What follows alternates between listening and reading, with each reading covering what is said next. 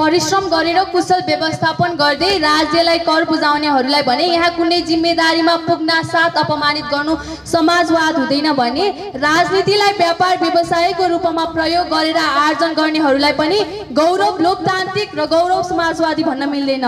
धेरै धेरै धन्यवाद दिन रेशकज्यू यस कार्यक्रमका सभापति महोदय यस समारोहका श्रद्धेय प्रमुख अतिथिज्यू विशिष्ट अतिथिज्यू हातमा निष्पक्ष तराजु लिएर हाम्रो कलाको उचित मूल्याङ्कन गर्न बस्नु भएको निर्णायक मण्डलज्यू विभिन्न विद्यालयबाट यस बौद्धिक रणभूमिमा आफ्नो बोलीको स्वस्थले यस विचारको युद्धलाई जित्न आउनु भएको मेरो प्रतिस्पर्धी मित्रहरू लगायत यहाँ उपस्थित सम्पूर्ण गुरुवर्ग दाजुभाइ दिदीबहिनी तथा मेरा प्यारा प्यारा साथीहरू समक्ष म New Star Pole English Secondary स्कुलको कक्षा नौमा अध्ययनरत छात्रा आयुषा घिमिरे टक्राउँछु हार्दिक नमस्कार। आजको यस वक्तित्व कलाको शीर्षक रहेको छ देश विकासमा निर्वाचित जनप्रतिनिधिको भूमिका। सिंहदरबारदेखि एउटा तहसम्म निर्वाचित प्रतिनिधिलाई जनप्रतिनिधि भनिन्छ भने जनताद्वारा निर्वाचित जनप्रतिनिधिहरूको हातमा शासन सत्ता भएको राष्ट्र व्यवस्थापन जनताद्वारा जनताकै लागि जनताकै राय सल्लाहमा चलाइने शासनलाई लोकतन्त्र भनिन्छ। नेपालमा सबै जनप्रतिनिधिहरूलाई तीन तहमा विभाजन गरिएको छ। ती तीन तहहरू हुन् सङ्घीय तह प्रदेश तह र स्थानीय तह। तह अनुसार सबै जनप्रतिनिधिको आफ्नो काम कर्तव्य अनि अधिकारहरू छन्। नेपालमा दुई हजार बहत्तर तिहत्तर सालको आन्दोलनपछि गणतन्त्रको स्थापना भयो। संविधान बन्यो चुनाव भयो। सिंहदरबारको अधिकार गाउँ गाउँमा पुगेको टम्फु फुकियो। तर व्यवहारमा झर्ने केन्द्रीकृत शासन भने अझै बढ्दै गयो। अहिले त निर्वाचित जनप्रतिनिधिले देश चलाएको पनि पाँच वर्ष पुरा भएर फेरि यही आउँदो वैशाख तिस गते स्थानीय तहमा निर्वाचन हुँदैछ। तर देशको स्थिति हेर्ने हो भने बाटो जस्ताको त्यस्तै छ। खाने पानी अहिले पनि किनेर खाइराख्नु परेको छ।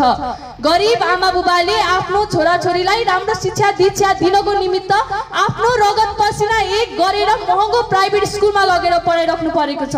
महोदय मैले यो भन्न खोजिनँ कि जनप्रतिनिधिले देश र जनताका लागि केही गरेका छैनन्। गरेका छन् तर त्यसलाई राम्रोसँग कार्यान्वयन चाहिँ गर्न सकेका छैनन्।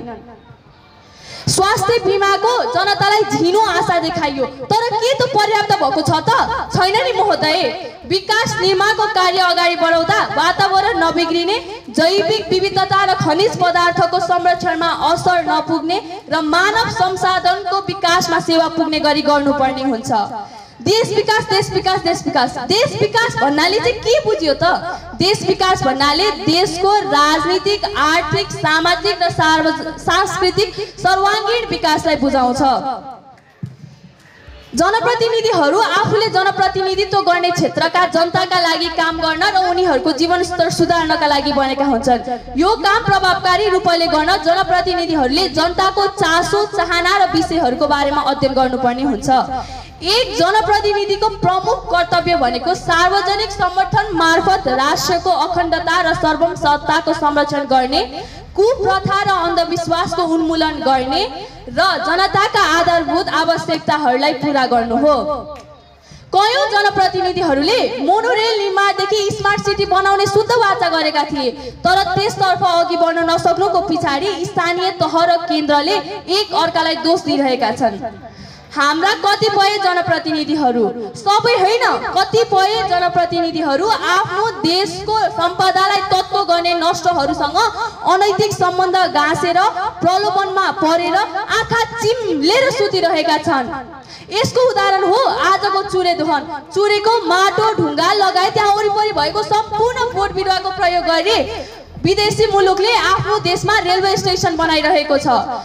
वर्तमानकै कुरा गरौँ न अहिलेको जल्दो बल्दो विषय एमसिसी अर्थात् मिलिनियम च्यालेन्ज कर्पोरेसनका बारेमा राम्रा नराम्रा अनगिन्ती बहस र विचारहरू भए।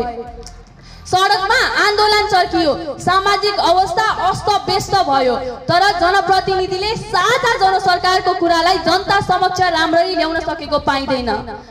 आफ्नो बुढी औँलाले निलो मसीमा चोप्दै समर्थन जनाएका ती जनताहरू आज तिनै जनप्रतिनिधिहरूको विरुद्ध उत्रिन बाध्य भएका छन्। सँगैमा युक्रेन र रसियाको घमसान युद्धमा युक्रेनी राष्ट्रपति स्वयं रणभूमिमा ओर्लेर एक निकट जनप्रतिनिधिको भूमिका खेलिरहेका छन्। महोदय हरेक कुराको तीन पक्ष हुन्छ। आफ्नो अरूको र सत्य। एक जनप्रतिनिधिमा इच्छा शक्ति नैतिकता र जिम्मेवारी जस्ता गुणहरू हुनु आवश्यक छ। यदि देशका सम्पूर्ण जनप्रतिनिधिहरू यत्तिकै गुणात्मक भई यही सत्यलाई आधार मानि कुनै पनि लोभ लालच र प्रलोभनमा नपरी एक सच्चा र राष्ट्रभक्ति भावका साथ काम गर्ने हो भने ज देशलाई आफ्नो असली गन्तव्यमा पुग्न कुनै पनि बेर लाग्दैन। हस्त अन्तिममा के भन्न चाहन्छु भने सर्वे भवन्तु सुखिन सर्वे सन्तु निरामया। यो सिद्धान्तले काम गर्यो भने एक राम राज्यको स्थापना हुन्छ। हस्त म आफ्नो संक्षिप्त भनाइलाई यहाँ बिचमा नै टुङ्गाउने अनुरोध चाहन्छु। धन्यवाद।